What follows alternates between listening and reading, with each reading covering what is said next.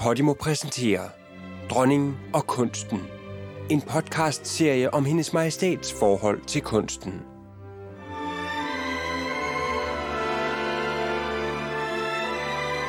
I denne episode samtaler hendes majestæt med Bente Scavenius, der er kunsthistoriker og forfatter. Dagens emne er billedkunst, og dronningen og Bente Scavenius vil tale konkret om en række værker, som du kan finde link til i podcastens episodebeskrivelse. Velkommen til. Deres Majestæt, tak fordi jeg må komme. Jeg har glædet mig meget. Og jeg har også glædet mig til at sidde i et interiør på Fredensborg. Og især et interiør som den blå salon her, som er, var en del af dronning Juliane Maries øh, øh, retirerede rum, eller det var hendes afdeling. Nu er det jo malerkunst, vi skal tale om. Ja. Så derfor så synes jeg, det ville være morsomt at høre grunden, hvad der er de aller, aller første oplevelser og af malerkunst, og hvordan det kom til at betyde noget for dronningen. Det er meget svært at sige, for der, der hang jo billeder, og, og i hvert fald delvis vældig gode billeder i mine forældres hjem. Mm. Og de var der jo bare, og man så dem, og øhm, på et eller andet tidspunkt har man vel spurgt lidt nærmere til dem, og, og fået min, mor, øh, min mors og også min fars, men især min mors reaktion på de billeder, vi, mm. og hvad, hvad, hvad hun synes om dem. Mm. Og hun kunne sige, at det, det, det, det, det, det læg mærke til det der, eller et andet billede er det, synes hun ikke var så morsomt, men mm. nu hang det der altså. Kan dronningen huske et bestemt værk, som gjorde et virkelig afgørende indtryk? Jeg ved ikke, hvad det egentlig kan have været første gang, men ja, mor havde været med på en udstilling, øhm, på, det har været Grønningen eller Den Fri, det er jeg ikke helt sikker. Mm. Og tilbage i sådan cirka, jeg har været en, en 13-14 år deromkring. Og der så vi nogle, øh, nogle øh, skitser eller tegninger, eller sådan små maler, malede, malede skitser, vil jeg mm. sige, af Jais Nielsen. Ja. Og jeg blev meget, meget begejstret for et af det. Og der fik det faktisk af min mor til min fødselsdag, der så nogle uger senere. Nej, hvor morsomt. Og det er nok det første, øh, hvor jeg gang jeg selv har, har lagt mærke til noget, som sagde mig noget direkte. Men jeg havde jo set billeder altid, og jeg ja. havde jo selv øh, tegnet, som de fleste børn gør, øh, fra, fra man kunne holde på en blyant, og næsten før. Det gør jo børn. Og så, ja. Det Jais Nielsen-billede, ja. øh, det er... Øh, jeg, jeg tror, jeg kan huske det. Det er, det er en, en, en, en øh, lidt af et mandshoved, ja. der er med en krukke op på den ene skulder, og det fylder hele, hele øh, motivet. Det er malet med, jeg tror det er malet med, med olie, med sådan en hurtige streger mm, mm, på, direkte mm. på papir. Øh, og, og meget skitsagtigt. Og jeg, jeg kunne vældig godt lide det, da jeg mm. så det. Og det hænger faktisk i mit, i mit arbejdsværelse fra Malenborg. Øh, så jeg har det for øje de fleste dage, når jeg kommer derind. Ja, hvor morsomt. Nu var Jais Nielsen var jo også meget distinkt i sit udtryk. Ja, det har åbenbart sagt mig ja. noget. Jeg kan huske, at øh, jeg kan huske, at min mor også havde en, en, lille, en, en lille skål af ham malet lidt på samme måde. Mm. Så jeg gad vide nu i tilbageblikket, om ikke det øh, billede, jeg fik, øh, om ikke det har været en af hans, øh, hvad skal man sige, penselprøver på, mm. hvad han ville mm. gøre mm. på, en, på, en, på et eller andet, en eller anden keramik, keramikgenstand. Men hvad med rejser og sådan noget, et museums, øh, en museumsoplevelse? Jamen, hvad har jeg... Det er svært at sige, hvornår, fordi hvornår begyndte det? Jamen, jeg var, jeg var ikke nogen voldsomt stærk museumsgænger, der jeg får mm. egentlig heller ikke så meget nu med, mal, med, med malerier, men, men gode billeder har jeg... Jeg har jo også set det og hørt min morfar tale om det i Sverige, som øh, jo havde vældig god forstand ja. på kunst af enhver slags. Ja. Og i høj grad også på, på billeder. Han var en stor samler af, af grafik, og havde en meget, meget stor samling af grafik. Altså først, først og fremmest samtidig svenske, svenske øh, kunstnere.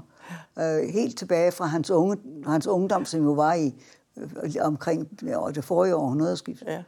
Og helt, øh, han købte ind til, han købte øh, grafik ind, indtil året før han døde, tror jeg. Men dronning Ingrid var jo også meget optaget af, af i hvert fald uh, kunst, i, i, både i bred forstand, men også specifikt selvfølgelig kunsthåndværk.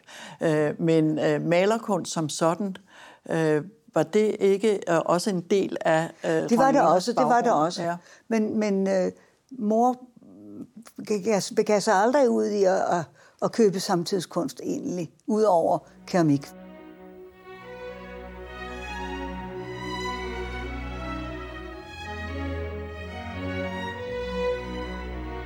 Nu er det jo malerkunst, vi skal Ja. tale om. Øh, og netop fordi vi sidder her øh, med udsigt ud til øh, haven og ud til den reserverede have, og selvfølgelig også marmorhaven, så synes jeg, det vil være oplagt at tage fat i nogle af de tidlige renaissancebilleder, hvor netop blomstermotivet indgår som en form for symbolik. Fordi jeg ved, at dronningen alligevel øh, hen ad vejen, også som billedkunstner, har været meget optaget af netop blomstermotiver. Øh, men øh, øh, i de her tidlige renaissancer, der er jo både de religiøse, og så er der de mere værslige. Ja. Øh, men blomsterne har jo deres betydning. Og der synes jeg, at netop øh, Hugo van der Goes øh, med sit øh, aldersstykke, det Portenay Alter, som er på Uffizierne, har jo blomster i øh, hele forgrunden som et symbol på Jomfru Maria. Og der tænkte jeg øh, netop, øh, at den, det er jo et trefløjet altertavle, og det hedder Portinari øh, alderet, og det er udført af den øh, flamske maler Hugo van der Goes øh, til en italiener Portinari. Øh, men prøv at se på øh, netop øh, hele den blomstersymbolik, øh, som lægger jeg sig op i, for, i forgrunden foran det midterste Ja. ja. billede, hvor man ser, dron- øh, hvor man ser øh, Jomfru Maria. Jomfru Maria, der tilbeder Jesusbarnet, og med, med hyrder i baggrunden, og et passende antal engle i forgrunden. Men mellem englene og Jomfru Maria står der to små vaser. Ja, En, øh, en som ser ud som om det er en, en øh, keramikvase, og en, og en af glas. ja, Og de står med henholdsvis, øh, keramikvasen har en rød lilje og mm. to hvide øh, iris og en, en blå iris. Og i den anden, den lille glasvase, står der øh, akelejer og i hvert fald en nellike, så vidt jeg kan se på den, den størrelse, det her billede har. ja, og øh, hvad hedder det? Øh, Nilken, det, det er jo, øh, et, det er jo, er det ikke kærligheden? Det er kærlighedssymbol. Ja, men det er sandelig, Ja. ja. oftest er det, mange, meget ofte er det symbol på, på sorg, Jesus sorgmærker. Ja. Og fordi Den hedder, også og nellike betyder jo et lille, ja. lille øh, ikke negl, men en lille øh, søm, Ja. altså nagelsen. Ja, nå ja, det er Derfor rigtigt. hedder det Nå, nellike. ja. Derfor finder man ja. ofte i Ja. renaissancebilleder, øh, også, også efter, efter reformationen, øh, tre nelliker, de Ja. tre sorgmærker. Og det er de tre øh, sårmærker, Ja, ja, Det, det, det vidste jeg godt. Men den røde, er det ikke blodet? Det er det selvfølgelig også. Ja. Men, men altså her er det ganske, så vidt jeg kan se, er der kun en enkelt nellike. Mindre det er en rose, jeg kan simpelthen ikke se. Nej, men jeg tror, det er en nælke. Ja, jeg tror, jeg synes også, det ligner Ja. ja. en nellike. Men så er det, så hvor jeg, åh ja, men der er der også nogle, der er ikke også stemmerblomster, det tror jeg. Det er Og det har jeg ikke set. Der, der, der er liljen selvfølgelig, Ja. og det er jo symbol på renhed. Ja, men det er en rød lilje, hvilket er usædvanligt. Nå, jamen, så er det igen også øh, øh, symbol på øh, øh, øh, blodet. ja, altså. det er det nok. Ja, Men det, det er meget fascinerende med disse blomstersymbolik. fordi liljen også, det er jo bebudelsessymbol. Øh, symbol. Ja, det er det jo nemlig Ja. ja. også. Og der er den hvid. Der er den altid, Ja, ja. ja. fordi der, der, der er det jo den rene. Den rene jomfru. Ja. Men i hvert fald, øh, mange af de øh, symboler er jo øh, symboler, som alle vidste dengang. Øh, Det har, det, har man, det har været almindelig viden, at når man så sådan en blomst, så var det det, der blev henvist til. For at blive i renaissancen, øh, og fordi jeg synes, det vil være åbenlyst også at tale om øh, portrætkunsten, fordi dronningen er blevet portrætteret et hav af gange, øh, så synes jeg, at et af de portrætter, øh, som virkelig øh, er et meget, meget stærkt portræt, er, er Christian den anden, som hænger på Statens Museum for Kunst, som er malet af Michael Sitov. Ja, ja. Det er et forrygende billede. Og det er malet i 1515. Og det, et- øh, tanken er vel, at det skulle sendes ned til hans daværende forlovede, så Ja. hun kunne se, hvem han var. Hvad, hvad, hvad, hvem det var, hun havde givet, givet sig i kast med. Ja, Ja. ja det, det, er jo, det er jo et flot billede af en, af en, en, øh, moden, men ung mand. Med, øh, han sidder der med en, en fin øh, overfrakke, ja, en vams vil man vist kalde det, med, med, med, med øh, skin, med, med skinbesætning på, på, på, på kraven og på forkanten.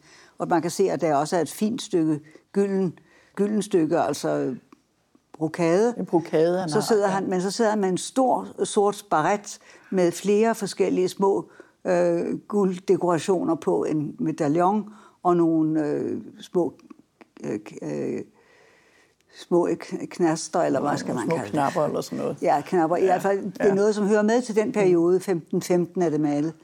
Øh, han er... Og så der sidder han der, øh, en, en, en flot mand, med øh, en kraftig næse og øh, med, med fuldskæg og et ret stort hår.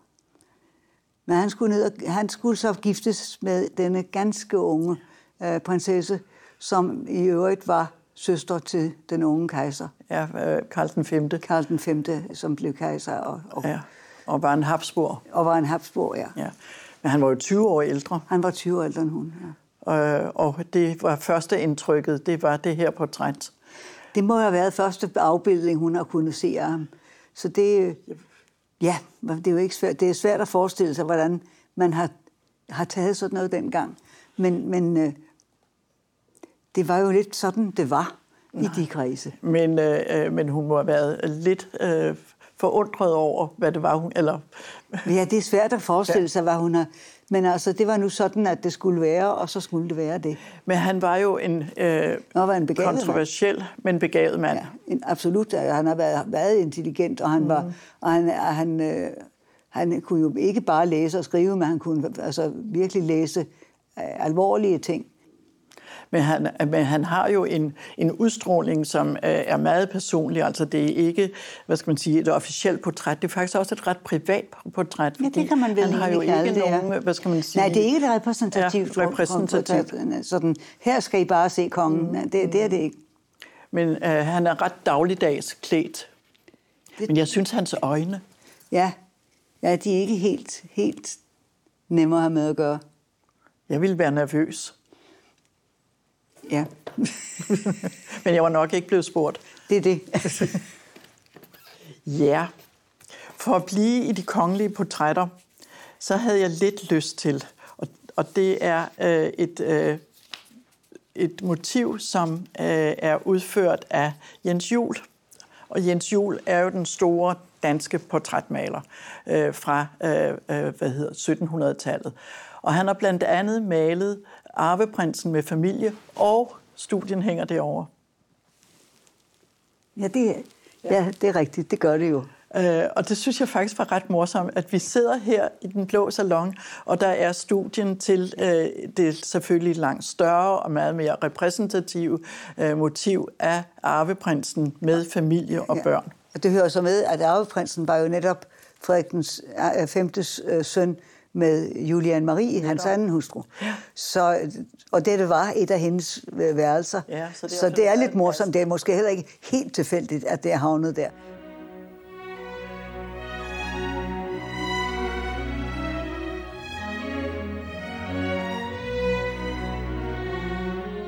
Og der har jeg læst et eller andet sted, at dronningen på et tidspunkt talte med Tove Klemmesen, og så fortæller Tove Klemmensen, som var øh, museumsinspektør på Nationalmuseet og havde, har skrevet om kongelige interiører, og blandt andet om Harsdorff og Chardin og Lilje, at det bord, der står i baggrunden, det er af Lilje, og så er dronningen siger, det har jeg lige fundet på loftet.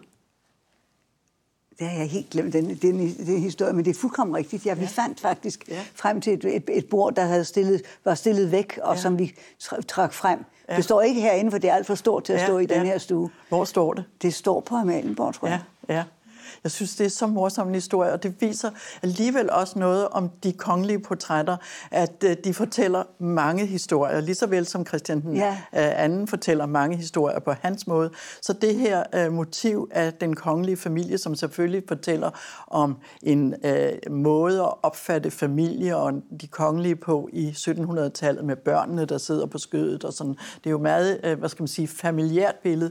Men så pludselig står der et møbel, som stadigvæk er en del af interiørerne. Jamen det, det er meget spændende, og det er jo også en af grundene til, at, at det er er, er helt vidunderligt at få lov at beskæftige sig med, med øh, de gamle interiører i disse huse, som jeg har boet i, siden jeg kan huske overhovedet. Og netop været inspireret både fra billedkunst, øh, også fra, hvad skal man sige, øh, ikke alene fra samtiden og de, de øh, overleveringer, man har fra samtiden, men faktisk også fra malerkunsten. Det er rigtigt. Der, ja. der er jo netop, og det er jo en af de ting, som er så charmerende, som jeg synes gør, at interiørbilleder fra tidligere mm. tider, altså enten øh, det, det er, altså Jens Jules interiørbilleder er jo er meget fine, og, og øh, der er et eller andet med at få lov at se, hvordan tiden selv opfattede sin interiør. Mm. Mm. En lidt tidligere end, end, end det, der, der bliver det altid, der skal der altid være iscenesættelse med, med store draperier og tronstolsagtige mm. møbler, og øh, det er helt tydeligt ikke noget interiør. Det er, sådan skal det se ud, når man, stiller, når, når man laver et billede af en konge eller en dronning. De har dog ordner på. I billedet der, jo, ja. men ved I, det faktisk var det sådan, at øh, de kongelige herrer, som var, jo var elefantridere, de ja. gik faktisk med elefantorden altid. Til daglig? Ja. Er det rigtigt? Ja, i hvert fald med stjernen. Nej. Og hvis man ser billeder af øh, Christian den 8., så ja. har han næsten altid stjernen på. Ja. Så den tidligere, øh, senere Christian den 8. Ja, er jo også med ja. på... Ja, det er han som lille dreng. Og ja. han har også som lille dreng ja, ja. orden ja, på. Ja. Han var morsom. Man har brugt det på en, på en måde, som vi ja. slet ikke kan forestille os nu om stunder.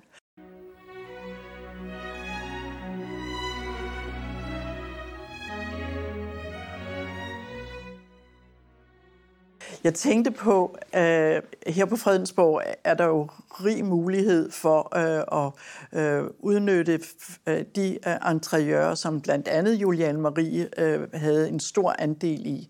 Øh, men jeg ved, at øh, dronningen også øh, har lavet sig inspirere netop af guldalderens malerier øh, til øh, blandt andet et gardinophæng på et gæsteværelse. Er det ikke rigtigt? Det er fuldkommen rigtigt. Ja. Og det her er Emil Bernsen, som også er et familiebillede, men et meget borgerligt et, vil jeg sige. Ja, det, Yderst men borgerligt. det er et, et yndigt billede. Ja. Man ser en familie, der sidder foran et åbent vindue. Ja, I København må det ganske givet være.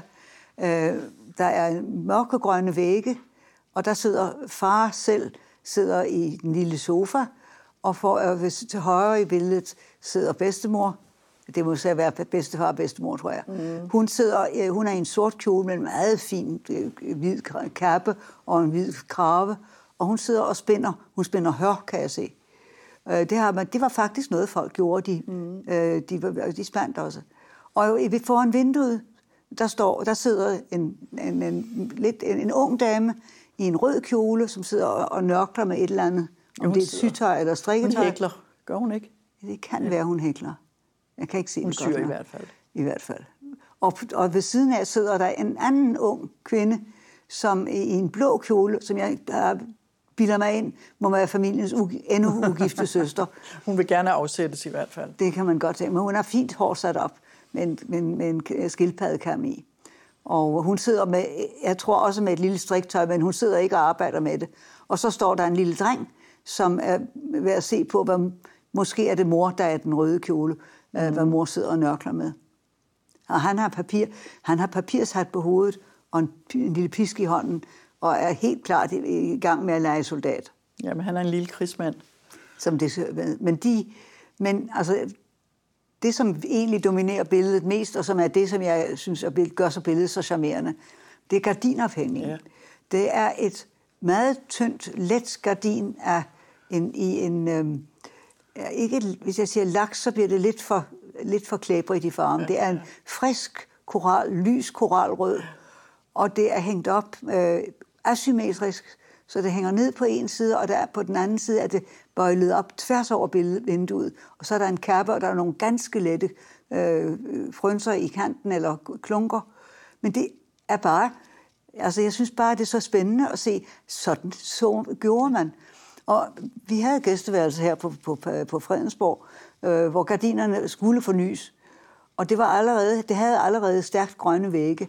Og så tænkte jeg altså, jeg må prøve at få, at lave et, få lavet et gardin, der ser ud som lidt det på, på Bærensens øh, maleri. Så det har jeg gjort, og det ser ret godt ud. Det vil jeg tro. Men det er faktisk et ret øh, dristigt øh, gardinophæng, fordi det er jo at, øh, asymmetrisk. ja. Nu kan man, jo, det, må se, det ser faktisk ud til, at billedet er fra et etfagsrum. Jeg tror, endda, mm. jeg tror endda måske, det er et vindue, vindue der er ud mod bagsiden af, af, af husrækken. Det kan man næsten se på Fordi man ser ud mod, ja. mod relativt dyb baggård. Det kunne næsten være Amalienborg, ja. Amaliegade-kvarteret, ja. ja. ja. med de dybe, dybe baggård. Øh, men der er et eller andet meget charmerende over det billede, synes jeg. Men det morsomme er, hvis man lige, øh, kan sammenligne det lidt med det kongelige øh, motiv, hvor det skal være igen så dagligdags ja. og så øh, al, al, almindelig dagligdag. Det er det jo også her, men rollerne er jo så fint fordelt mellem de kvindelige ja, far sidder, roller. tror jeg, og læser, sidder og læser avisen. avisen. Ja, han sidder og læser avisen med brillerne på næsen, en gråhåret herre. Og øh, ja, og damerne har, været, har haft frisør, for de er alle sammen meget fint krøllet. Jamen, jeg synes, det var morsomt, for jeg synes, den historie med øh, gardinophænget, ja. at det er faktisk malerkunsten, der er årsag til øh, inspirationen. Jamen, det er jo sådan ja. nogle steder, man finder det. Ja. Jeg kan jo ikke lade være med at... Og, og, og, jeg kan godt lide de historiske interiører, og, og antyde dem, i, i, når jeg skal lave et gæsteværelse i stand. Og så også markere de forskellige perioder Ja. Øh, fordi det her, det er jo et decideret bittermejer-miljø. Altså ja, det, det er jo 1828 er det udført, ja. øh, hvor det vi så på før jo er 1754. Ja. Det er altså generationen efter. Øh, det er generationen efter, ikke? At, at det så bliver rent stilistisk ja. i overensstemmelse med den periode. Ja, det, det er lidt sjovt.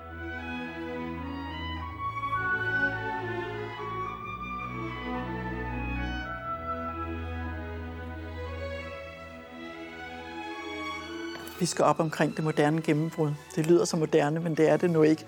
Øh, jeg har altid været meget imponeret over, at dronningen på et meget, meget tidligt tidspunkt købte et LA Ring-maleri, som er dybt originalt, og på et tidspunkt, hvor ingen faktisk rigtig interesserede sig for LA Ring. Men at dronningen kunne se og blev tiltrukket af det meget øh, interessante øh, mosebillede af nogle elletrunder, som er ved, og nu kan jeg ikke engang se, hvad der er op på det. elletrunderne, ja. ja. For det første gælder det, er det måske praktisk at lige fortælle, hvad en elletrunde er. Ja. Det er, når man, det, det, det er elletræer, der er blevet skåret ned øh, gennem tidens løb, fordi man havde brug for de lange, øh, de, de lange skud fra elletræerne. Blandt andet til, når man skal, når man skal, lave, øh, når man skal ryge ting. No, ja. Og derfor bliver der, så, så bliver der sådan en, en klump af, af, en, af en træ tilbage, ja, ja. som bliver ved med at skyde, så og det ser ja. mere og mere klumpet ud. Ja. Og det er trunden. Det er trunderne. Det er trunderne, ja, elletrunderne. Ja. Men hvad var det, der fascinerede dronningen ved det billede? Det var, at, at øh, jeg tror, en af tingene var, at det, det er sådan, det billede, der er afskåret, så man ser mosevandet, en tre fjerdedel af, af billedet, og ser kun ellesrunderne, der står i det, og, ser det, og de rager helt ud af billedrammen for oven, så man får altså slet ingen horisontlinje eller noget som helst andet. Man får disse grå elletrunder, det grønne, der vokser bag ved dem, og lidt frem i forgrunden, og så et kraftigt spejlvirkning ned i det, i det brunsorte mosevand, med, med, med, blålige, med blålige reflekser fra en fjern, måske overskyet himmel. Øh, Øh, jeg synes, det var et fascinerende motiv simpelthen. Det er dybt fascinerende. Jeg vidste, jeg, jeg vidste ikke så meget om, om Ring andet, end han havde lavet nogle øh, fantastiske skildringer af sydsjællandske, våde, grå, kolde vinterlandskaber. Og de er også meget grå og kolde. Men de er, men de er, de er jo fine. Det er jo ikke det er fine, men indtil denne her periode, og det er jo det, der er det fine, at øh, fra slutningen af 17, 1880'erne øh, begynder han netop at få et maleri, som er så mangetydigt. Ja. Det her er jo både et realistisk, men det er jo også et symbolistisk maleri. Ja, man kan, man kan sagtens læse symbolikken ind ja. i det. Jeg er ikke sikker på, at jeg så, den, så det symbolistiske i det, dengang jeg, jeg, jeg anskaffede mig det. Men, men jeg synes bare, at det var... Jeg blev betaget af billedet mm. af den måde. Og øh, jeg tror egentlig også, at titlen Elletron, der tiltalte mig, fordi jeg godt vidste, hvad Elletron der var for noget. Mm. Det, der også fascinerer mig, det er at de der elletrunder, der griber ud og op, men faktisk, øh, øh, altså det er ligesom om himlen er lukket. Den er helt lukket. Ja.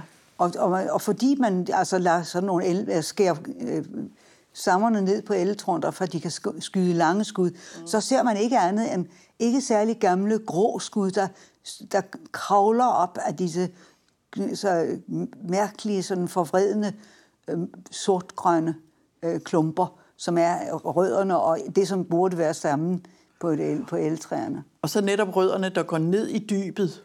Ja, det vil sige, man ser ja. ikke rødderne, man ser nemlig kun, man, ja, man aner rødderne, man, men det man ser er jo spejlbilledet ja. af disse skud, øh, disse kraftige øh, yngre skud, som spejler sig i vandet. For at blive det symbolistiske, så kan man jo næsten sige, at der er en, øh, en, en mærkelig dødssymbolik i det, eller det, hele det der dybet. Øh, det, ja, det, kan, det er jo det er den samme tid, han begynder at male ja. nogle, nogle malerier, hvor der decideret er en dødssymbolik. Netop, her netop. kan man måske snarere sige, at fordi han har malet de andre billeder, kan man forestille sig, at han også har tænkt det her.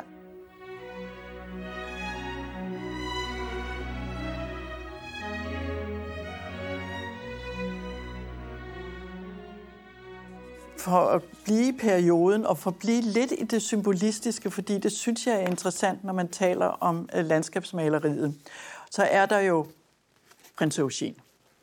Ja.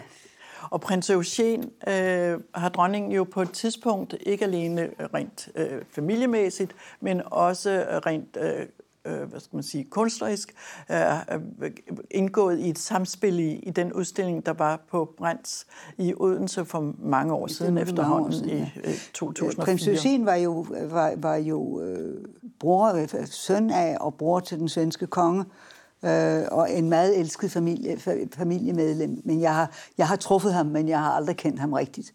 Min, min mor kendte ham godt fra, gennem sin far og holdt meget af ham, men han var en fornem maler. Øh, Øh, han, han, øh, han var en af fire brødre, og det lykkedes ham altså at få lov at være maler, øh, samtidig med at han også i høj grad, altså han, han forsømte ikke så, kan vi sige, sine forpligtelser som, som prins i det svenske kongehus. Men han, han, kørte, han kørte sit eget løb. Han var den yngste, og han var en meget begavet maler. Han ville nu gerne øh, blive fri for sin militærtjeneste. Ja, det, og det kunne han ikke blive, men han behøvede ikke at blive ved så længe med den, Nej, tror jeg. det er nemlig også rigtigt. Men han øh, for det første fik en stor accept i samtiden, men så lod han sig jo øh, uddanne blandt andet i Paris. Han tog til Paris ja. for, at, for at lære mere. Ja. Han, han synes, at det svenske kunstakademi på det tidspunkt mm. var øh, særdeles uinspirerende. Og han kom jo til at støtte en hel masse yngre og jævnaldrende malere, især yngre jævnaldrende, kan man sige. Mm, mm. Øh, han var, som sagt, prins af huset Bernadotte, havde, havde gode midler, og derfor havde også muligheden for at købe sine samtidige malerier. Så han kom til at betyde rigtig meget for dem. Og det er jo dem, der indgår i samlingen på Valdemars Ude i dag. Valdemars Ude, som ligger ja. i, Stok- i udkanten af Stockholm ned til vandet, øh, som er en stor villa, som han byggede til sig selv, som, øh, som dels et sted at bo, og dels et, et atelier, ja. og dels et sted, hvor der var plads nok til, at han kunne have sine mange smukke ting og, og sine mange smukke malerier hængende. Ikke bare sin, netop ikke bare sine egne, men vennernes. Og, men, men for at vende tilbage til det lidt Billedet her, det hedder, det hedder Målenes på svensk, skyen. skyen. Og det er et af hans meget berømte billeder. Øh, en, en grøn dal med nogle træer til højre, en vej, der, eller en sti, en, en gangsti, der snor sig op, ned, lidt ned i dalen og op på siden til venstre. Der er også nogle træer deroppe. Men i baggrunden, eller resten af det meste af billedet, er en blå himmel med en stor sky, der vælver sig op i den, i den plads, der ligesom er mellem de store træer til højre og den grønne banke i venstre side. Og det er det, billedet måske nok drejer sig om. Men, det, men de har en, det har et eller andet over sig, der er mere end bare det, at det er et pænt landskab. Han har altså, jeg tror, det er et komponeret landskab, ud fra altså forskellige ting, han havde set og malet og kendte. Men det, i sig selv tror jeg, det er et komponeret motiv.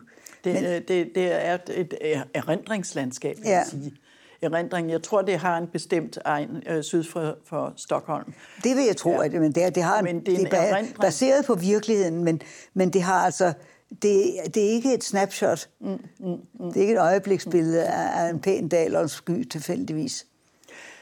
Det får mig til at tænke på et skybillede, som dronningen har udført, øh, som også er et erindringsbillede. Og det er derfor, jeg tænkte, det slægtskab, der alligevel er rent motivisk.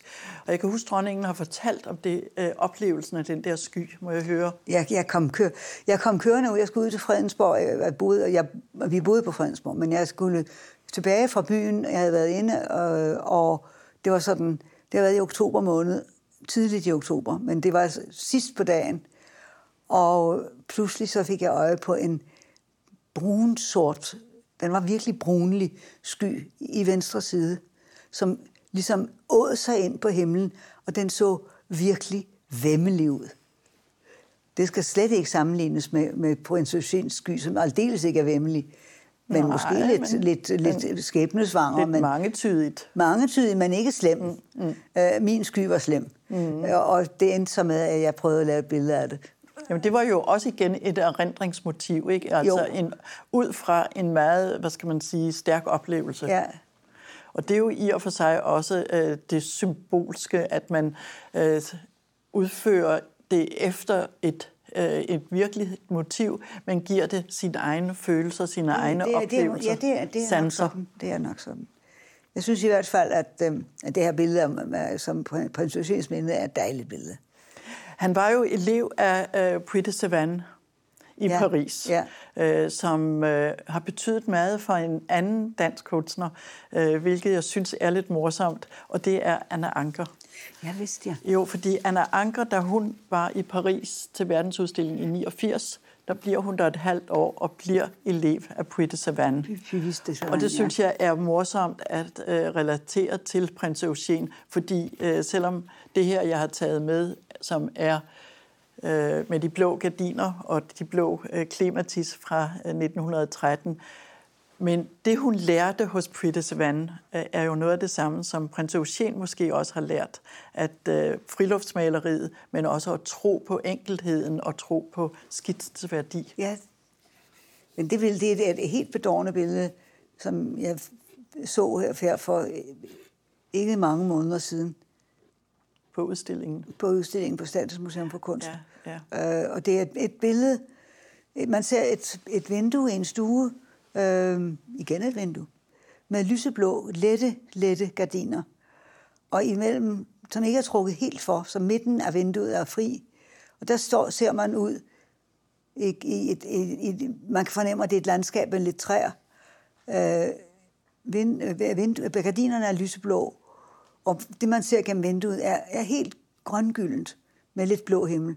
Og men i forgrunden på et rundt bord står der en stor krukke øh, malet med, med, med hvidt og blåt og lidt gult. Og så i den krukke er der bl- mørkeblå klimatis og nogle lette, øh, jeg gætter på, at det er nogle, at det er nogle lette, hvad hedder det, øh, skærmblomster, skærmplanter eller noget, men det er ikke til at se decideret. Men det er et aldeles dejligt billede. Og den måde, lyset får, hun får lyset til at falde gennem gardinerne. Og der, hvis, hvis det, der det altså er klimatisk, kan det gyldne lys udenfor ikke betyde, at det er noget med efterår. Det er simpelthen, hvad der sker, når man ser på noget med så blå, blå en forgrund, så bliver det gult, det der ude bagved. Ja, ja det, er, det, er, det er morsomt. Men især hendes transparente lys, Ja. Det der sarte, transparente lys, hun, hun kan modellere. Hun har jo så mange farver. Hun er, hun er en fantastisk maler, en fantastisk kolorist, ja. med det fine, fine... Det er altid så fint afstemt, øh, og uden at, det virker, uden at det virker det mindste øh, konstrueret. Mm. Det er som om, det, at det, hun laver, kan hun slet ikke lade være med. Nej. Øh, jeg kan, ved ikke, om dronningen kan huske på udstillingen, der var øh, en kasse med hendes pasteller udstillet.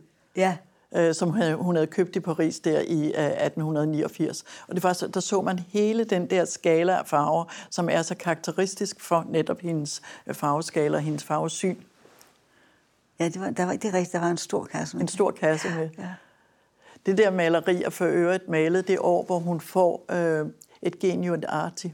Nej, hvor morsomt. Som den første kvindelige kunstner. Det er fra 1913. Ja, og det synes jeg er lidt morsomt. Ja, det er meget morsomt. At hun har øh, den placering. Noget, eller noget helt andet er, hvis jeg kan huske noget fra Ankers hus og alt det der. Så det bord, der står der, det er et af de der grønne, grønmalede borde i det grønmalede møblement, der står i Ankers hus. Sikkert. Og hun var jo meget optaget af interiør. Ja. Og det var det sjove også, at man har jo fundet øh, det engelske tidsskrift, der hedder The Studio, ja. som jo handler om interiør. Ja.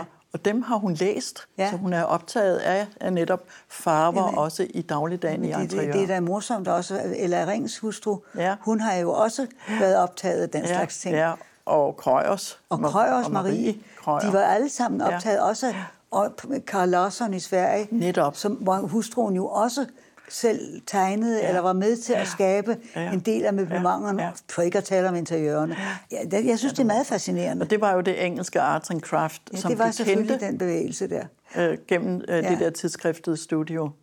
Så det er da lidt morsomt, at Anna Anker, selvom hun øh, ikke på den måde har profileret sig af det, men det har været så tæt forbundet med hendes dagligdag. Ja, ja. Anna Anker har en særlig evne til at bruge det blå.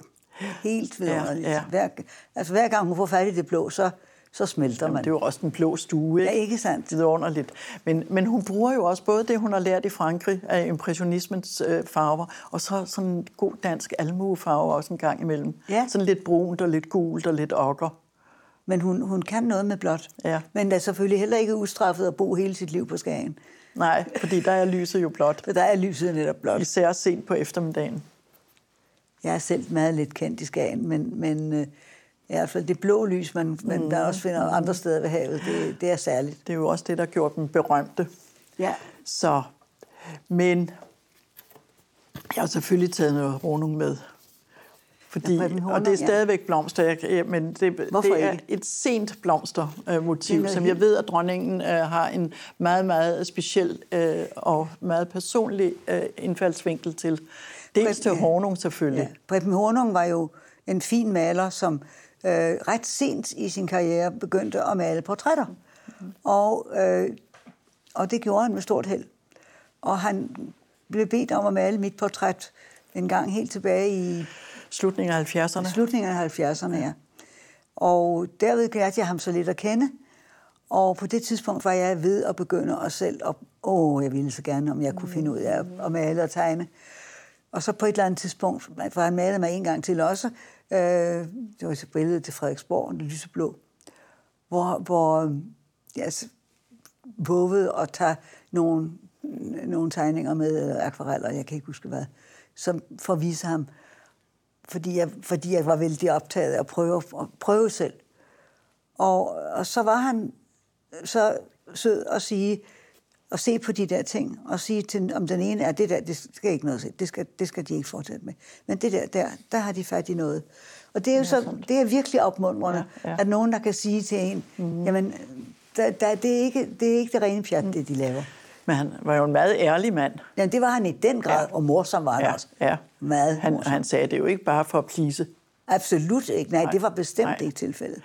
Øh, men så blev jeg som malet yderligere en gang om. Det var på det tidspunkt, han var flyttet fra øh, den gamle præstegård nede på Midtjylland, mm. øh, og var flyttet op til København, til Frederiks, på ja. Frederiksberg. Ja. Og, øh, Allégade. Og, og, og der, der i Allégade, ja. Og så øh, havde jeg siddet, jeg havde siddet for ham deroppe også, og så øh, var det billede var færdigt for længst. Men så øh, ringede han til mig en dag og sagde, om jeg ikke kunne komme forbi, fordi der var noget, han så gerne ville vise mig. Mm. Så det sagde jeg, sagde, men det kunne jeg godt, så jeg kom forbi.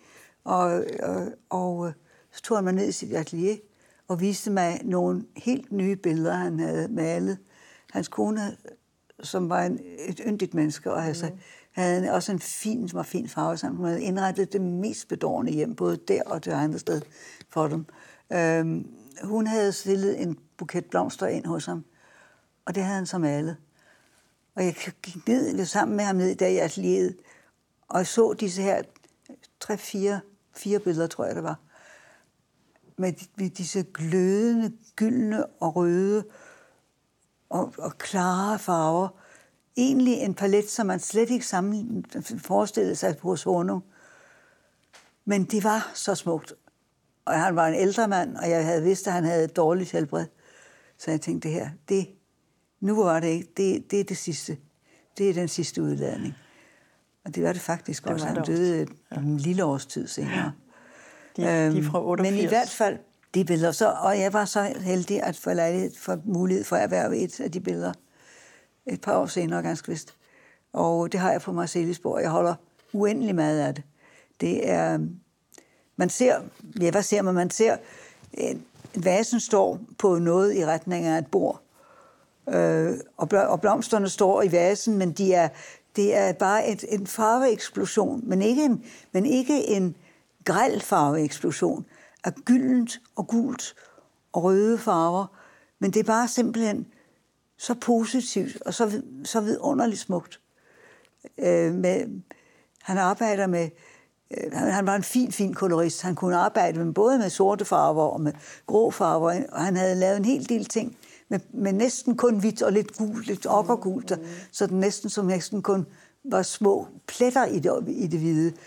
Men denne her, der er det ligesom alle de små gule pletter fra hans tid, lidt tidligere malerier, var brændt sammen og kom ud i midten af billedet og trænger sig på gule og røde og orange.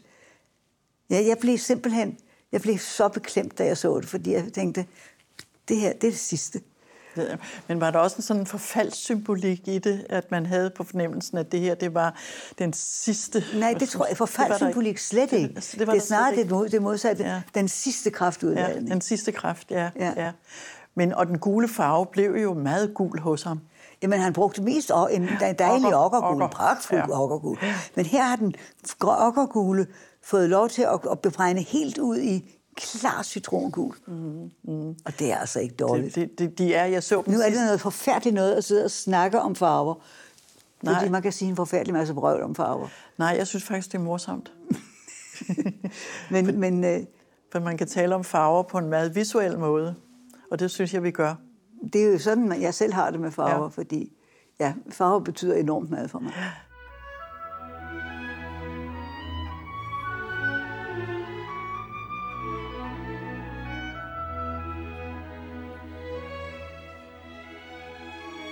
Jeg vil slutte af med Per Kirkeby. Fordi det er jo jeg spændende. ved, at dronningen er meget glad for Per Kirkeby, eller var meget glad for Per Kirkeby, som jo nu er død.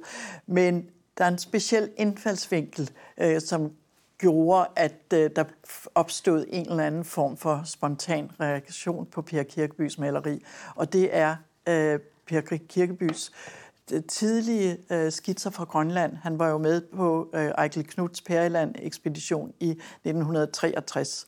Og de skitser, de har et eller andet, som jeg også har set i nogle skitser af dronningen fra øh, Grønland. Ja, det skylden er nok Grønlands. ja, men øh, det er ikke, der er et slægtskab, som jeg Jamen, synes det, var det, det, det, det pussy er, at jeg havde selvfølgelig øh, set en del om, om, om, øh, om Per Kirkby og set billeder af ham her og der og sådan noget. Det har aldrig rigtig sagt mig noget. Men så var der en lille udstilling med nogle skitser, han havde lavet, hvor han havde været på en tur på, i Grønland, altså meget senere end sin mm, oprindelige ja. tid. Det skal måske lige siges. Han var uddannet geolog, ja. og man, magister i geologi, men det var han faktisk blevet samtidig med, at han også malede. Men det vil sige, at, at den måde, han gik til mad, altså da han, da han for alvor begyndte at male som sig selv, og ikke som noget som helst andet, øh, der, der ligger geologien under på en eller anden måde. Hans sans for øh, former, på, for, for formationer i sten og i, i landskab, især i, i sten, det, det, det kan man ikke tage fejl af. Mm. At der ligger, da det gik op for mig, så begyndte han at gå op for mig som kunstner. Mm. Mm. Og øh, så så jeg disse tegninger, han havde han, der var en lille udstilling på Kunstmuseet i, i, øh, i Aarhus, før det kom til Aros. Mm. Øh, og det var nogle skitser, han havde lavet om sommeren i Grønland. Han havde været på Grønland, og ja. han havde, det havde jeg nemlig også den sommer. Vi havde absolut ikke truffet, for det var, det var ikke helt samtidig. Men pludselig får jeg øje på billeder, eller det var skitser, en skitsebog. Jeg tænker, gud, manden har siddet og set det samme som mig. Jeg har nemlig også lavet skitse af det der. Ja. Og det var øh, fjellene på, ved, ved Kranak og i Tule-området. Og de er så karakteristiske, ja, at hvis ja. det overhovedet ligner, så kan man slet ikke tage fejl. Nej, nej, nej, nej. Men det var helt mærkeligt. Ja, ja. Altså en, en kunstner, hvis arbejder jeg ikke havde sagt mig noget som helst, pludselig havde jeg haft blik for det samme, som jeg også selv ja, ja. i al ubeskedenhed havde haft blik for. Ja. Og så begyndte jeg så faktisk mm. at se lidt mere, ja. mere altså, se nærmere på hans kunst, fordi jeg tænkte, nej, men manden er jo geolog, så, Så han ved jo noget om, hvad der er inde under alle de sten, hvad, det, ja, hvad det er af, hvorfor, ja. hvorfor det ser ud, som det gør. Han ved mere end bare, at det er et pænt landskab. Og, øh, og, og så, fik jeg, så begyndte hans maleri at gå op for mig på en ja, helt anden ja. måde. Og så så jeg også, da han havde ud, ud, han udsmykket en, en, den lille vestibule og trappe til geologisk, det gamle geologisk museum, som er fuldkommen forrygende. Mm, mm. Hvor han, altså for, netop, det er jo geologisk museum, ja, så det ja. har jo noget med, med snakken at gøre. Mm, mm.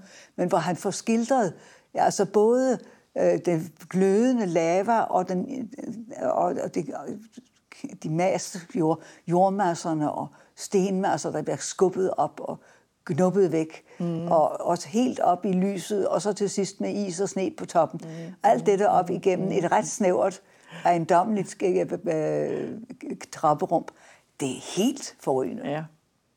Men, øh, men det er jo morsomt, at det er en lille personlig ting, som åbnede den store historie om Per Kirkeby. For mig, ja, absolut. Det var det. At, altså det der, at han havde øh, været op i Grønland og kendte til geologi. Nu er jeg jo sådan en halvstuderet djævel i mm. arkeologi, mm. så er man ikke helt fremmed for mm. geologien også. Mm. Mm. Når vi nu taler om Per Kirkeby, og øh, så er det jo naturligt også at tale om Bjørn Nørgaard, fordi øh, det er jo øh, samme generation, og begge øh, øh, billedkunstnere har jo modtaget, ligesom Anna Anker, øh, genio et artist, så det øh, er ja, plus jo kunstnere. de begge er udgået fra X-skolen nu. Og de begge er udgået fra X-skolen, meget rigtigt. Ja. Så, øh, men jeg ved forud for de fantastiske gobelænger på Christiansborg, som blev øh, indvidet i forbindelse med dronningens 60-års fødselsdag, men som allerede ved 50-års fødselsdagen var øh, i, i svøbe. At det forud for dem gik jo 10 år faktisk med Bjørn Nørgaard.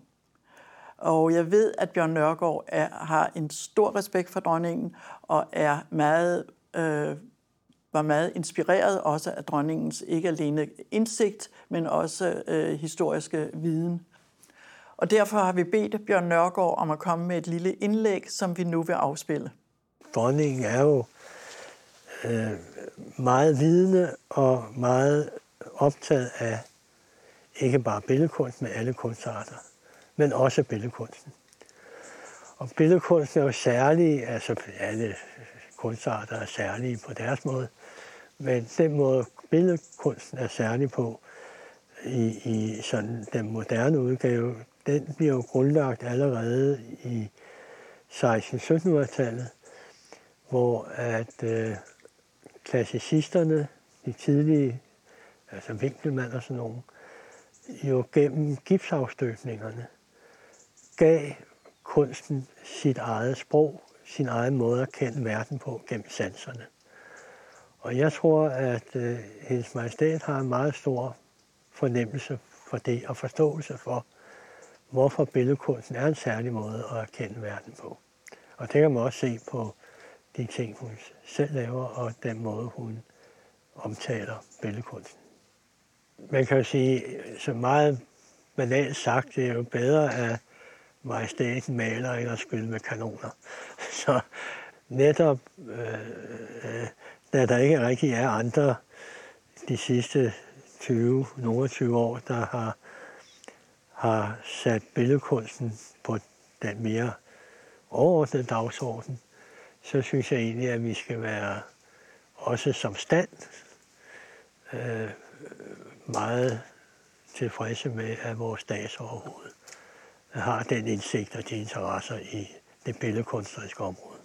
Det at have en opdragsgiver, der øh, er vidende og indsigtsfuld og selv, måske også fordi hun selv er udøvende kunstner, øh, har en øh, fornemmelse for, hvordan man taler om det. Øh, og det betyder jo ikke, at man skal rende rundt og være enig, men det betyder, at øh, samtalen føres på en måde, så at øh, vi får mest muligt konstruktivt ud af samtalen.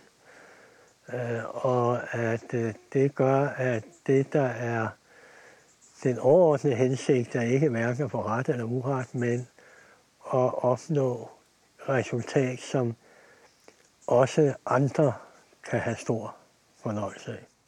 Ja, med denne øh, udgang, der vil jeg sige tusind tak for en meget inspirerende samtale. Det var morsomt, virkelig morsomt at gennemgå de billeder sammen. Det, det var jeg. en stor glæde for mig også.